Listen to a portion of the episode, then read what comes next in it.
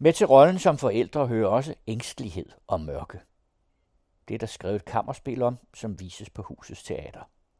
Teatermagasinet Kastesigten var til stede, og vores anmelder Ingeborg Elisabeth Vind giver desuden nogle anbefalinger til aktuelle forestillinger på byens mindre scener. Kammerspil. Fortættet drama med få personer i en afgrænset lokalitet med særlig vægt på den psykologiske intensitet og beregnet på intimscener. Velkommen til denne novemberudgave af Kastesigten. Jeg indleder med et opslag i leksikonet Den Store Danske, fordi jeg i dag vil anmelde forestillingen Se på mig, når jeg taler til dig på Husets Teater. Et kammerspil om kærlighed og mørke i relationen mellem barn og forældre. Kammerspil. Det er ikke så ofte, jeg ser forestillinger, der åbenlyst tilslutter sig en defineret klassisk genre, men det vagte min nysgerrighed. Og det her helt klassiske ord i hænderne på husets teater, der plejer at være leveringsdygtige teater, der er up-to-date med tidsånden. Se på mig, når jeg taler til dig, er et helt nyt stykke dramatik skrevet af den norske forfatter Monika Isakstuen, og stykket af hendes debut som dramatiker. Det har været sat op på et norsk teater, men ellers kun som readings forskellige steder i Europa, så vidt jeg kan læse mig frem til.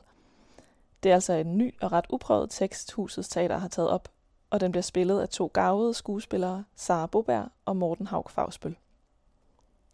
Stykket er delt op i to akter, der belyser forholdet mellem barn og forældre fra to sider. I den første akt er skuespillerne mor og søn, i den næste er de far og datter. Og det er altså ikke uproblematiske dynamikker, der opstår, men omskiftelige, hele tiden tangerende det foruroligende, eller i lys lue dysfunktionelle, men aldrig uden en hensigt om kærlighed i en eller anden form. For at vende tilbage til ordbogsdefinitionen, så spilles stykket på en lille scene oppe øverst i husets teater, hvor den intime stemning er sikret fra starten af de rødmalede vægge og røde draperede gardiner, og hvor scenen nærmest er indrammet som et afgrænset felt af identiske sorte stole langs væggene, i hvad der måske er en daglig stue, en lille lejlighed, et imaginært rum, personerne befinder sig i, når de tænker højt for sig selv. Stolene repræsenterer måske alle de roller, de to karakterer kan indtage over for hinanden. Deres placering, måderne de positionerer sig over for hinanden på. Hvem har magten i en forældre-barn-relation? Og ændrer det sig over tid? Sara Boberg, der har åbningsreplikken, begynder med at prøve forskellige stole af, inden hun beslutter sig for en at sætte sig på. Og usikkerheden om, hvor hun skal placere sig som mor over for sin spæde, unge og voksne søn, fortsætter akten igennem. Anderledes fast er positioneringen, da de to skuespillere i næste akt spiller far og datter i stedet for mor og søn, men jo mere faren forsøger at fastholde sin magt, jo mere kaotisk bliver stolene placeret i rummet, og hans jerngreb smuldrer og giver bagslag. Titlen Se på mig, når jeg taler til dig, en sætning, der rummer verbal magt og mental afmagt, er fint toneangivende for stemningen i stykket. Forholdet mellem barn og forældre, med tryk på de skæve tangenter, den ubehagelige dissonans, der opstår i forældrenes psyke, når de gerne vil gøre det godt, men lader frygt og indre tabuer diktere deres adfærd. Det handler om sex og vold på den mest subtile måde. I fragmenter og billeder, der forandrer sig, inden historierne rigtig rammer overfladen. Og det synes jeg er forestillingens store styrke.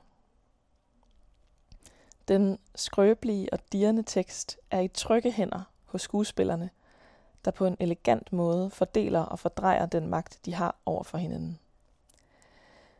Mine forventninger til et moderne kammerspil blev længe indfriet. Jeg følte mig inviteret ind i et intimt rum, hvor to mennesker med stor psykologisk intensitet og indlevelse beskrev nogle vildt svære emner med en sproglig musikalitet, og det var både uhyggeligt, forførende og følsomt. Der var ikke noget sort-hvidt ved forestillingens fremstilling, men alligevel fik den helt tydeligt berørt emner, der er relevante i vores tid. Magtmisbrug, dysfunktionel maskulinitet og frygten for at se tabuiserede problemer i øjnene. Se på mig, når jeg taler til dig, er en virkelig spændende, velskrevet tekst, meget fint og mindeværdigt fremført og godt instrueret og iscenesat. Jeg anbefaler, at man tager forbi Husets Teater en regnfuld novemberaften og får noget at tænke over. Der er nemlig masser af alment gods i det. I stedet for at handle om de genkendelige trivialiteter, der er ved at være forældre, som jeg synes bliver behandlet meget ofte, handler det om de ting, der sker på den mørke side af psyken, som man sjældent taler om. Forestillingen spiller lige nu på Odense Teater frem til 26. november, hvor den igen spiller på Husets Teater her i København frem til 10. december. I resten af november og start december synes jeg, der er mange spændende forestillinger på plakaterne rundt omkring. Men på grund af coronarestriktionerne og de deraf følgende pladsbegrænsninger i teatrene, skal man altså være hurtigt ude for at få billet. Hvem der for eksempel bare havde nået at få plads til Lolita for altid på Revolver, eller en forestilling om blindhed på Teater Sort-Hvid, eller mig, Dear Hunter på Edison. Forestillinger, der burde være på alles must-see-liste, men i denne omgang kun er for de hurtige.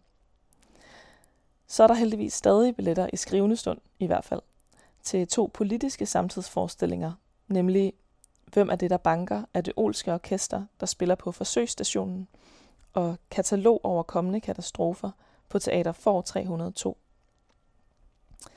Jeg skal også se kærlighedsfortællingen Heroin, der spiller på Sangenbergs Teater til og med i dag, lørdag den 14. november. Og det kan du altså også lige nå, hvis du hører programmet her som en del af din lørdag formiddag. Så vil jeg også gerne lige fortælle, at man kan være rigtig meget på forkant, og allerede nu reservere plads til brygger, der til min store glæde bliver sat op en tredje gang på Østerbro Teater til august måned. Det virker måske ret langt ude i fremtiden at tænke på sensommeren 2021 allerede, men jeg købte altså min billet til samme forestilling 8 måneder i forvejen. Så har man jo om ikke andet noget at glæde sig til, og Brygger altså en forestilling, som har mine varmeste anbefalinger. Det var alt for denne udgave af Kastesigten. Jeg ønsker jer en fortsat god november måned, og jeg slutter programmet af med et lille stykke musik i bedste Shio 413-stil, som også bliver spillet i forestillingen Se på mig, når jeg taler til dig. Hver dag, der går, klart det mig står, mor er min bedste ven. Hvad som med far, han er så rar, jeg elsker jo også ham, men mor er den bedste i verden. En hver har hende kær.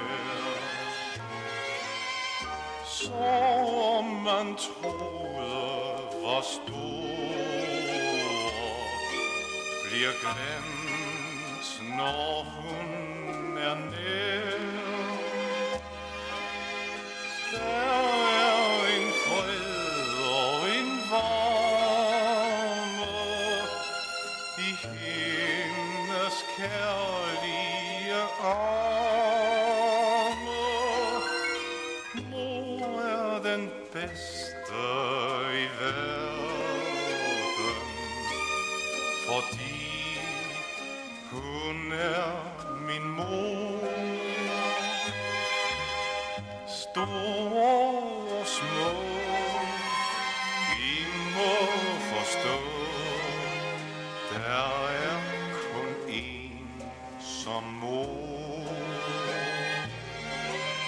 Syng nu en gang med på min sang.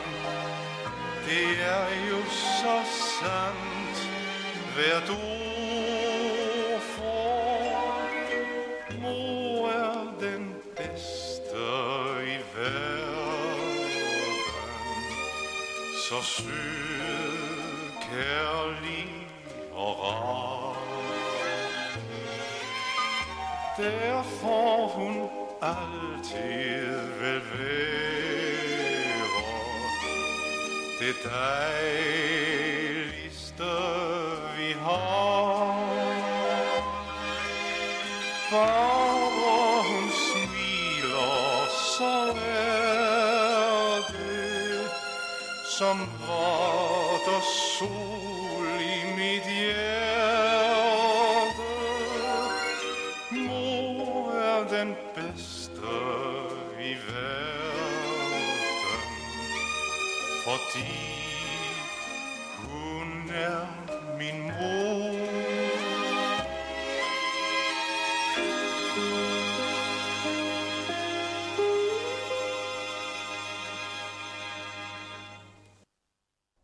Du hørte teatermagasinet Kastesigten med Ingeborg Elisabeth Vind. Og musikken her til sidst, det var Mor er den bedste i verden med Peter Sørensen og Willy Sørensens orkester.